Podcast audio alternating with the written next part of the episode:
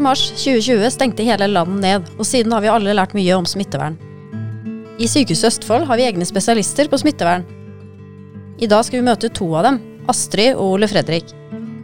Hvordan har arbeidsdagen deres vært, og hvordan jobber de egentlig? Jeg heter Cecilie, og du hører på Folk og fag, en podkast fra Sykehuset Østfold.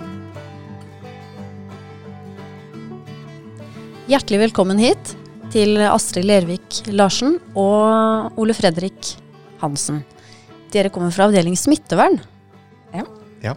Fortell litt om dere sjøl. Um, skal jeg begynne? Begynn med Astrid. Um, ja, jeg er lege. Jeg var ferdig utdanna i Bergen i år 2000. Um, og jeg har eh, på en måte vokst opp på det gamle sentralsykehuset i Fredrikstad.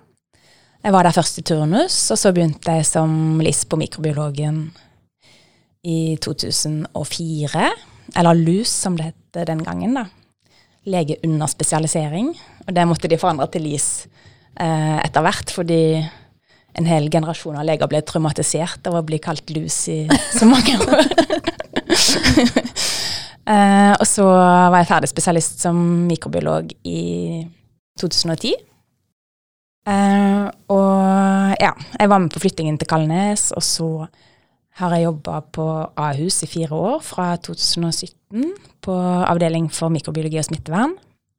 Og tilbake her på Kalnes i oktober nå i høst. Du Ole Fredrik, du har også vært både her og en periode borte før du kom tilbake. Ja, det stemmer. Jeg var ferdig utdanna sykepleier i 2013.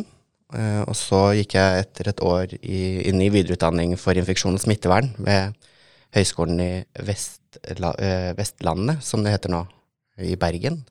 Og var ferdig der i 2015.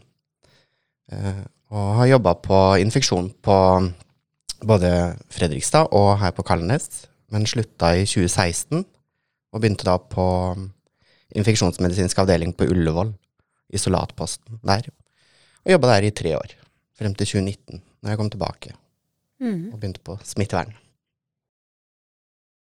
I dag så skal vi jo selvfølgelig da snakke om eh, smittevern, og en, dere er jo en avdeling som har eh, kanskje blitt ekstra synlig nå under pandemien. Men eh, jeg har lyst til å spole tida litt tilbake, til eh, oktober 2018. Ja. Da var jeg sjøl eh, henta inn for å ta bilder under en eh, øvelse her i sykehuset, og der møtte jeg jo deg, Ole Fredrik. Stemmer. Eh, da lå du i en seng inne på et isolat. Ja. Eh, fortell litt om det. Nei, det var eh, Jeg var med som representant fra OS, da, eller infeksjonsmedisinsk avdeling på Ullevål. Eh, og da hadde vi en eh, case-trening med eh, Sykehuset Østfold, hvor eh, Sykehuset Østfold hadde fått en pasient med en viral hemorragisk feber, eller ebola, da, som det er mest kjent som. Hvor jeg skulle på kort varsel spille pasienten som var ebolasyk og hadde kommet fra det afrikanske kontinent da, med feber og dårlig allmenntilstand. Um, ja. Hvordan forbereder man seg til å gjøre noe sånt? Nei, eh, vi eh, På Ullevål så trener de jo mye på den beredskapen rundt høyrisikosmitte. Eh, de har tre øvelser i året lokalt på isolatposten. Um, så lokalt der så var man ganske godt forberedt på, på selve scenario, men det man var interessert i å øve på da, var jo transport fra et sykehus til et annet sykehus. Uh, og i tillegg uh, vinningen med at Sykehuset Østfold fikk trent på sin beredskap rundt det, da. Fordi det er jo sagt at alle sykehus i Norge skal ha beredskap til å oppbevare en pasient med det, den smittsomme sykdommen i opptil 48 timer, før man kan forvente at han blir henta og overflytta til Ullevål. Hvor mye visste du av det som skulle skje når du eh, var med på den øvelsen? Eh, Jeg hadde fått lest gjennom casen, eh, og jeg er jo ingen skuespiller. Jeg er primært en sykepleier, så skuespillerferdighetene var kanskje ikke så gode, men prøvde så godt jeg kunne. Så jeg skulle jo spille dårlig, at jeg kasta opp og hadde diaré eh, og var veldig slapp og sliten. Um, og vi hadde også fokus på Ullevål med at man skal fysisk trene på ting, da. At hvis du skal legge en veneflon, så skal du legge en veneflon for å kunne trene på det i det scenarioet du er. Eh, så de la jo venefloner i, på, på meg, og, og, og så illustrerte man kateter og, eh, Ja. ja, og det andre, da. For å unngå ubehageligheter. Ja. Mm. Og så gikk det jo som det var planlagt, at du måtte jo da flyttes til uh, Oslo. ja stemmer. Uh, og for oss som var til stede, i hvert fall, det var jo litt spesielle scener med påkledning av uh, klær og da en, den helt spesielle glasskuvøsa, hvis vi kan kalle det det, da. Ja. Um, det teamet bruker jo det utstyret som OS bruker, og det er overtrykksdrakter. Så det er sånne store, nesten ser ut som Teletubbies-drakter, uh, med, med vifter bak på ryggen som blåser uh, filtrert luft inn. Uh, og så er det den epishutteren, som det også har vært mye snakk om tidligere, som er en lufttett kuvøse, Mm. som ble utarbeida etter ebolaepidemien i 2014, var det vel? Mm. Um, som er et var plutselig et behov som meldte seg, da, i forbindelse med transport. Mm. Mm. Så den er kompakt, trang og helt lufttett. Mm. Det tok jo ganske lang tid, bare det å få deg inn i den og ut, og du sto en stund i gangen der, og Mm. hvordan var det å ligge inni der? Eh, Det er egentlig ikke Nå var jo jeg en middels stor mann, så jeg fikk, eh, hadde grei plass. eh, Men det hadde nok ikke vært plass til et menneske som var så veldig mye større enn det jeg var. Um, Men det ble veldig varmt. Det er det jeg liksom har som det beste minnet da, fra å ligge inne i den kuvøsen. Varmt. Og også når jeg lå i den slusa da, på vei ut, hvor de desinfiserer hele kuvøsa før han tas ut i det rene området i sykehuset, um, så kommer mye av den lukta fra desinfeksjonsmidlene inn i den veldig tette kuvøsa. Uh, og det ble også litt ubehagelig, da. Mm. Men jeg overlevde. Du trengte ikke å spille at du var kvalm. Nei, da trengte jeg ikke å spille at jeg var kvalm. Hadde du underveis lyst til å banke i lokket og si at du skulle ut? Nei, egentlig ikke. Jeg syns det var helt greit. Ja, jeg hadde ikke noe mm, problem med å ligge der. Det, er, du, det ser nok mye verre ut på utsiden enn det det var å ligge inni, fordi hele overlokket er jo gjennomsiktig hardplast, så eh, jeg følte ikke at jeg var sånn veldig innestengt, egentlig, faktisk. Nei. Det her er jo veldig viktig trening. Mm, absolutt. Mm. Og vi håper jo på at vi skal få trent på det mer også. Mm. Det jobber vi jo med både her og i samarbeid med CBRNE-senteret da, på, på Ullevål. CBRNE, hva er det? Eh, Det er et nasjonalt senter for eh, håndtering av forskjellige katastrofer, blir det vel egentlig. Eh, det er i samarbeid mellom spesialisthelsetjeneste, forsvar, eh, store fabrikker eh, osv. Og, og for helsevesenet sin del så har vi jo, eller i hvert fall vi på smittevern, har stor fokus på ben, da, som er biologiske hendelser.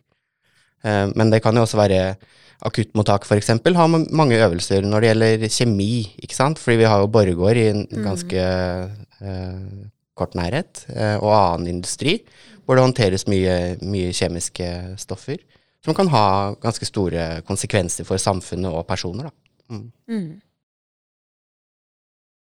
Hvor mange er det som jobber i avdelingen for smittevern i dag? Det med to leger i hvert fall, som eh, jobber 50% hver akkurat nå, annenhver uke. Det er meg og Jon Birger. Eh, og så har vi fire sykepleiere. Mm. To hygienesykepleiere som jobber for, eh, eller inn mot Sykehuset Østfold. Og så er vi to som jobber på en samarbeidsavtale med alle kommuner da, som eh, sogner til Sykehuset Østfold. Og så I tillegg så har vi en tuberkulosekoordinator som òg hører til avdeling for smittevern. Hvilke arbeidsoppgaver har dere? Eh, eh, For oss hygienesykepleiere så er det jo alt Vi er jo rådgivere primært, da, men vi har også veldig mye undervisning. Eh, kanskje vi Spesielt de kommunale rollene, som jeg er en del av, da, sammen med Gro Bøhler. Vi er veldig mye ute og underviser på sykehjem, hjemmesykepleie, legevakt, omsorgsboliger. Og så er det prosedyrer, da. Vi har ansvar for alle smittevernsprosedyrer på sykehuset, og også ut mot kommunen. Så kom mars 2020. Ole Fredrik, hvordan opplevde dere det da i avdelingen for smittevern? Nei, det var veldig spesielt. Eh, innledningsvis, når eh, det begynte å komme i mediene mest kanskje på nyåret, eller januar, eh, januartid 2020, så hadde nok vi oppfatningen av at de prosedyrene vi allerede hadde, dekka uh, veldig mye av det uh, de problemstillingene vi skulle møte på. Uh, vi hadde prosedyrer for dråpesmitte, vi hadde prosedyrer for håndtering av smittsomme pasienter i sykehuset generelt. Så blei det jo veldig annerledes, rett og slett. og mye usikkerhet, kanskje også spesielt rundt uh, beskyttelsesutstyr. Hva, hva, skal man bruke? Hva er bra nok? Hva er ikke bra? Uh, hva gir optimal beskyttelse? Uh, og parallelt med det så var det også problemet med å få utstyr. og kanskje spesielt åndedrettsvern. Mye, mye av det litt mer spesielle utstyret produseres i, i Kina. Uh, og også nærmere bestemt Wuhan, mm. så, hvor alt starta. Så ja. det gjorde det jo veldig krevende. Mm.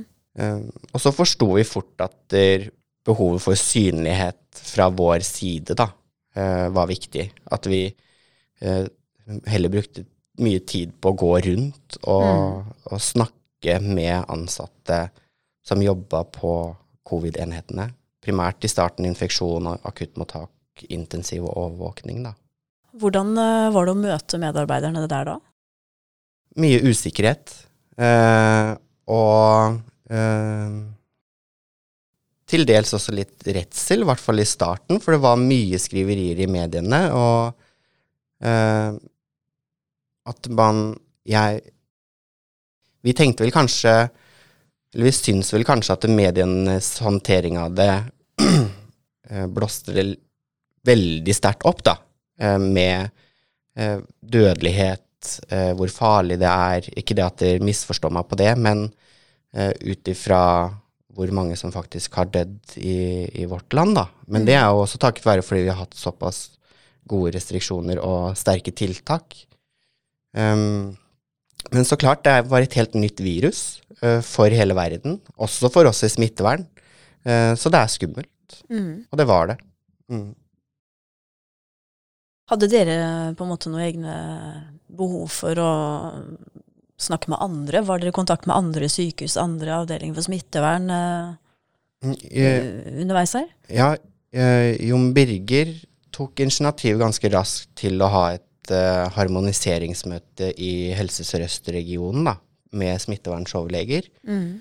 Uh, og det har vi hver an, hvor, hver, 14. dag. hver 14. dag. Så har han det fortsatt. Uh, mm. At alle treffes på Teams, da. Mm.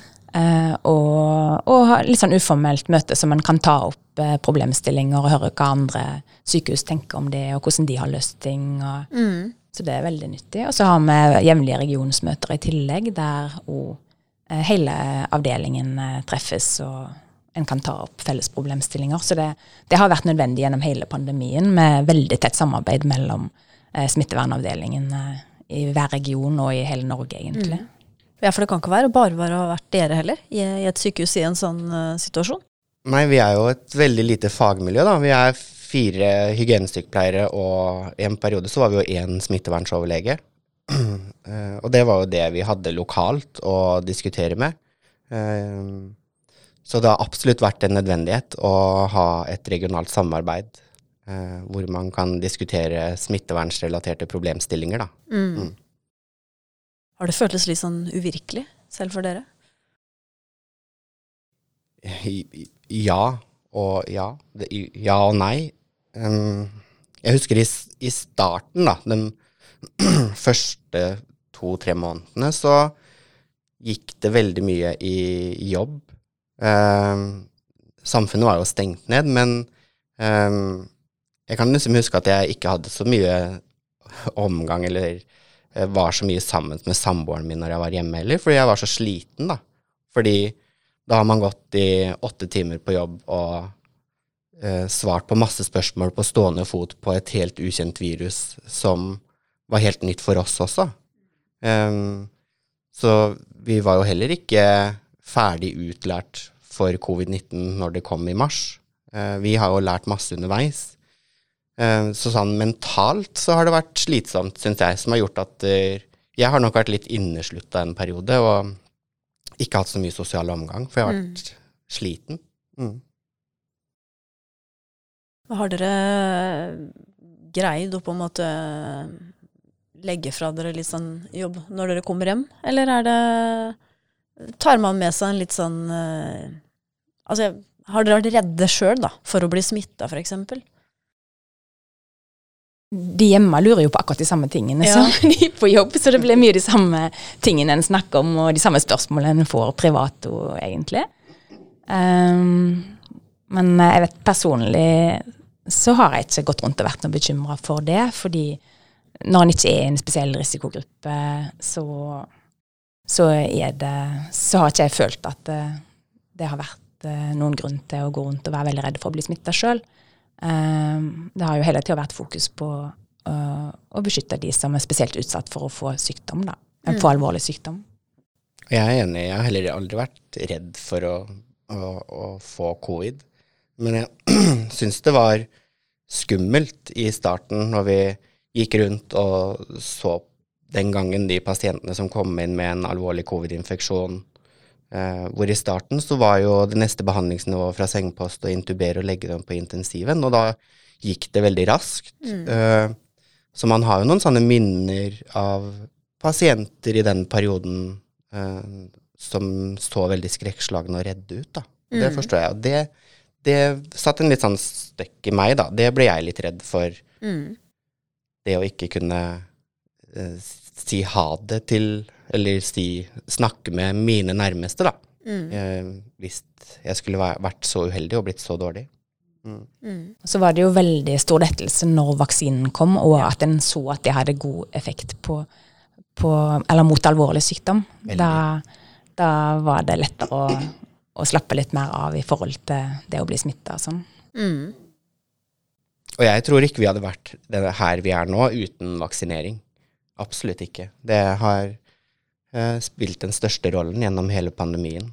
For uh, Både for uh, um, smittsomhet i, i, befolkning og hvor alvorlige sykdomsforløp de har fått, og også for håndteringen, da, ikke minst, mm. i sykehus. Fordi vi jobba jo med scenarioer hvor vi skulle ha over 80 intensivpasienter på Sykehuset Østfold, med et sykehus med en intensivkapasitet i dag på åtte senger. Så det er jo ganske heavy tall, da, når man begynner å se tilbake på det vi har hatt planverk for. Mm. Det har jo vært nødvendig å gjøre en del endringer eh, i sykehuset, nettopp for å møte det behovet da, eh, nå under pandemien. Eh, kan du, kan du, på en måte bare fortelle litt om noe av det arbeidet som har blitt gjort underveis i pandemien for å møte behovet vi har hatt for å kunne behandle pasienter som eh, kommer inn? Det har jo vært en veldig stor omstilling for eh, døgnområde to, kanskje spesielt i starten og gjennom pandemien. Eh, de ble jo fort definert som covid-kohort. Uh, og det var jo en ordinær sengepost uten noe høyere behandlingsnivå. De uh, jo, var jo en ordinær sengepost, uh, og over natta så blei det jo de uh, endra til å bli et mottak, egentlig. Hvor de fikk pasienter direkte fra ambulansen og inn på pasientrommene sine i avdelingen. og i tillegg så måtte man øke kapasiteten på de rommene hvor man gir eh, NIV-behandling, eller sånn maskebehandling. Eh, og det ble også lagt på tun 2, da, på infeksjon, hvor det er bare isolater. Mm. Eh, og da var det jo lunge som måtte over dit og bemanne disse, disse rommene og gi den behandlingen, da. Det har også vært absolutt nødvendig ut ifra det um, den mengden med pasienter som til tider har kommet inn, da. Mm. Mm. Men har pandemien eh, gjort at dere Dere har jo alle fortalt at dere har vært mer rundt ikke sant, og møtt medarbeidere og vært tettere på avdelingene. Men har dere på en måte omstilt dere helt i måten å jobbe på? I, ja, ganske. Vi eh, er nok mye mer fysisk rundt enn det vi kanskje var før pandemien, eh, som har hatt veldig store fordeler. Eh, og vi har blitt veldig kjent med eh, veldig mange avdelinger på hele sykehuset, som har vært en superstor fordel for vår del, da. Mm. Mm. Det er mye enklere å eh, møte og snakke med en person som du allerede har møtt eller vet hvem er. Mm. Mm. Mm. Ikke bare et navn på en, en mail eller navn på en telefon. Mm. Så har vi vel fått eh, tettere og bedre kommunikasjon oppover mot ledelsen òg. Og bedre forståelse for eh, at smittevern er viktig. Mm. Ja. Mm. Men det er jo ikke bare pandemien. Dere, det er jo mye annet òg. dere er jo litt sånn detektiver i hverdagen. ja. Ja. Det er, jo, det er jo det smittevern er, da. Mer det å Utbruddsoppklaring og f- finne fram til hvorfor har den bakterien her fått spre seg mellom flere pasienter.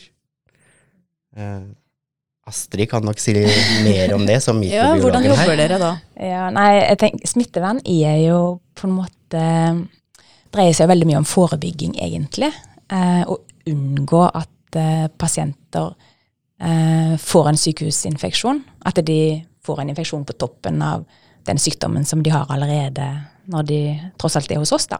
Mm. Eh, sånn at eh, det er det vi jobber mest med, å, å liksom overvåke og passe på at eh, infeksjoner ikke får spre seg på sykehuset. Mm. Eh, sånn at hvis vi oppdager at, eh, at noen pasienter får en smitte som man ikke skjønner hvor kommer fra, eh, da blir vi liksom detektiver som rykker ut og gjør en etterforskning for å finne ut hva det er som skjer, og hvorfor det skjer, og prøve å løse mysteriet. Hvordan gjør dere det?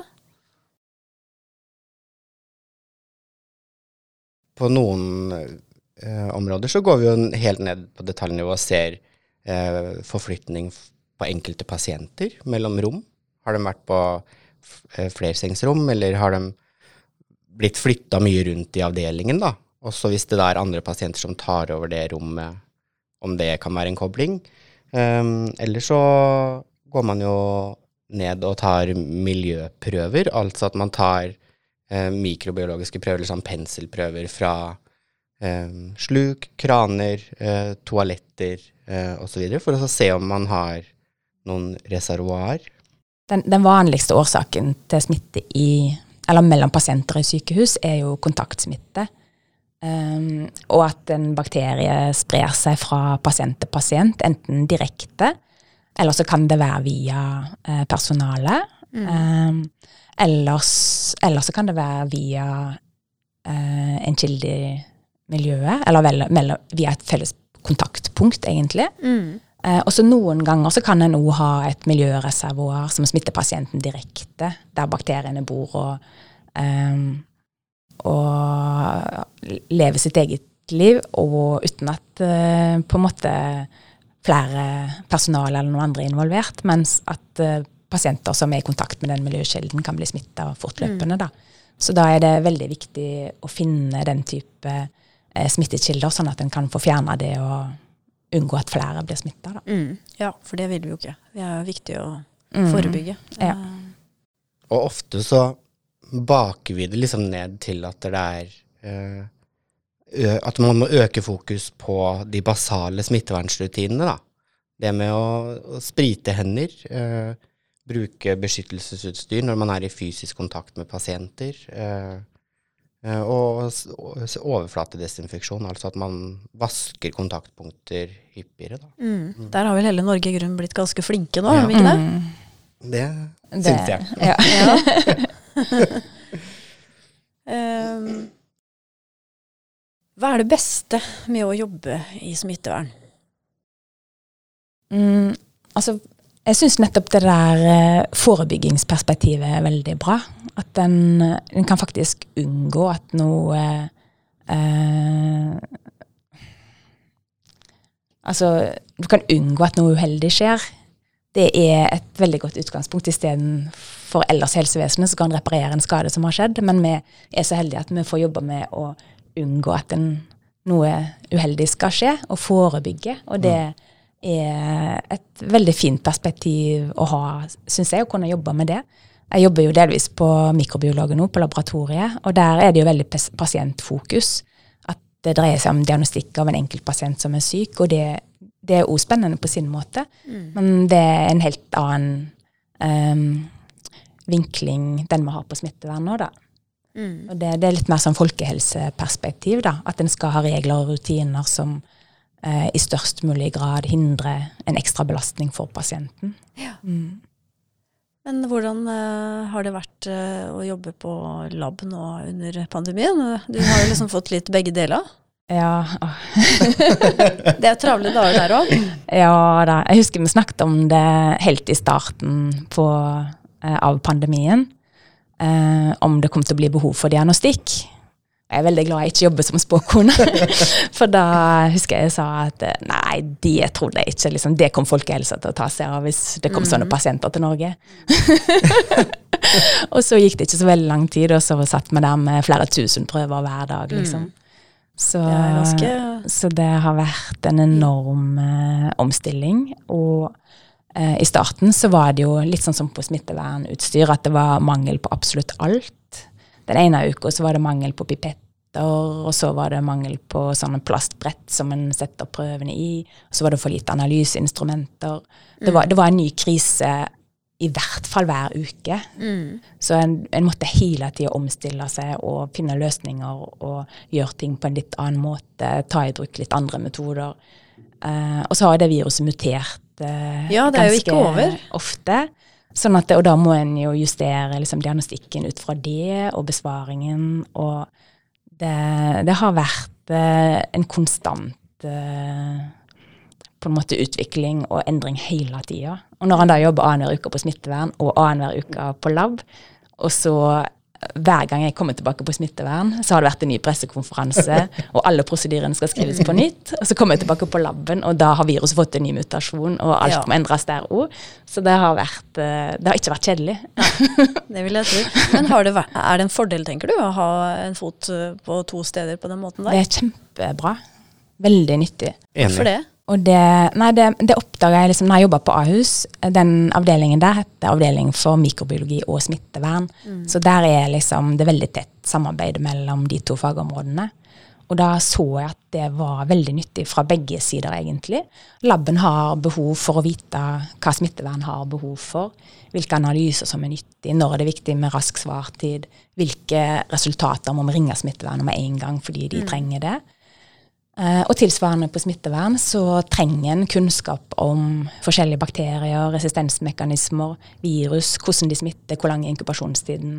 Mm. Så, så, de to på en måte fagområdene utfyller hverandre veldig. Og det, når, jeg, når jeg fikk uh, muligheten til å, å begynne en, en, jobb her, som jeg kunne jobbe både på mikrobiologi og smittevern, da søkte jeg med en gang, fordi jeg, jeg syns syns det er en veldig fin kombinasjon. Mm. Og jeg føler at jeg har hatt veldig glede av min bakgrunn som mikrobiolog i jobben på smittevern her òg.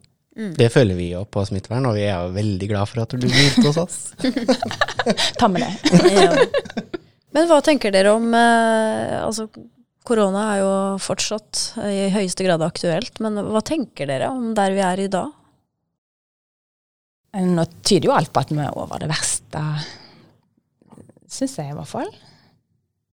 Jeg, jeg, tror vel kanskje at covid kommer til å lure seg inn i vintervirusgruppa, kanskje. Jeg vet ikke. Det blir spennende å se, mm. se fremover om det det er jo det vi håper, at det etter hvert skal kunne vurderes og håndteres på samme måte som en gjør med andre virus som gir luftveisinfeksjon, og som kommer tilbake hver vinter, som mm. influensa og RS og alle de andre. Mm. Så en kan jo ikke vite helt sikkert at ikke det skjer noe nytt som gjør at uh, viruset plutselig uh, blir mer uh, sykdomsfremkallende igjen. Men mm. de fleste regner jo med at det er lite sannsynlig, så Dere er uansett på vakt? Ja. ja. Det er vi. hva, hva, har vært mest lærerikt? For jeg regner med at dere har lært veldig mye av det. her. Men er det noe dere kan trekke fram som er Oi. Stort spørsmål. um, Kanskje, kanskje det, det, at det har vært så mye endringer hele tida. og ting har virka veldig vanskelig å løse, men så har vi jo alltid landa på noe, liksom. En har jo klart å løse utfordringene fortløpende etter hvert som de har kommet. Og det, det er jo veldig nyttig læring å se at en faktisk eh, klarer å løse så mye problemer. Eh, og kanskje også at har, vi har lært oss til å jobbe bedre som et team, eller en gruppe. At vi eh, tar opp ting i plenum og diskuterer det ut, og så lander vi på noe som i hvert fall vi syns er fornuftig, da. Og eh, rett ut ifra de anbefalingene som har vært fra nasjonale hold. Og så har man blitt veldig god til å tenke fort. Mm. Har dere blitt tøffere? Ja, jeg tror det. Vi står mye mer i rollen vår, uh, og på de de rådene som vi gir, da. For det er jo det vi er. Vi er jo rådgivere. Vi har ikke noen myndighet til å bestemme. Vi kommer med råd, og når vi gir et råd, så står vi felles ved det. Og så må man enten ta det eller ikke, da. Mm. Mm. Og så har vi jo blitt trygga veldig på at de tingene vi sier, er riktig. Mm. For erfaringen har vist at det fungerer. Absolutt. Eh, sånn som det var tenkt i teorien i starten. Det har virka godt. Og da mm eh, blir en jo mer trygg og sikker i rådene sine utover i, i forløpet. Mm. Mm. For vi har jo egentlig brukt dråpesmitteprosedyren fra mars 2020. Så vi hadde ikke helt feil, da. Nei. Men uh, den gangen du lå uh, og var med på den øvelsen i Kuvøsa, var, du hadde ikke sett for deg at det skulle ende sånn? Nei. I mine tanker den gangen så var en pandemi sånn litt fjern tanke. Eh, og så bytta jo jeg rolle et halvt år etterpå, da, hvor jeg begynte i smittevern. Eh, og da begynte jeg jo kanskje mer å tenke at en pandemi eh, var i ganske nærhet. Det, det har jo litt, litt, sånn Det har jo et mønster, disse pandemiene. De kommer jo ofte med 10-20 års mellomrom. Mm. Eh, og den siste pandemien var jo svineinfluensapandemien i 2009, så det traff jo relativt greit ut ifra det mønsteret som man har sett tidligere, da. Mm. Men man tenkte vel at denne pandemien også ville bli mer som svineinfluensaen. Og så tok en innersvingen på oss og lurte alle. Ja. Rett og slett. Ja. Skulle det dukke opp nye ting, så er dere i hvert fall eh, godt forberedt. Det er vi. Vi har med masse nyttig erfaring. Mm. Ja. Mm. Tusen takk for at dere tok dere tid til å komme hit til oss i dag. Takk. Takk for at vi ble invitert.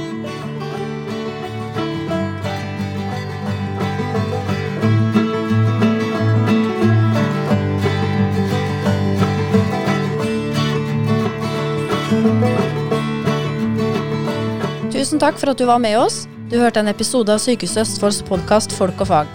Vil du høre mer, finner du oss på Spotify, Apple Podkast og andre steder med podkast. Tips gjerne en venn, eller gi oss en tilbakemelding på podkasten vår. Takk for at du hørte på.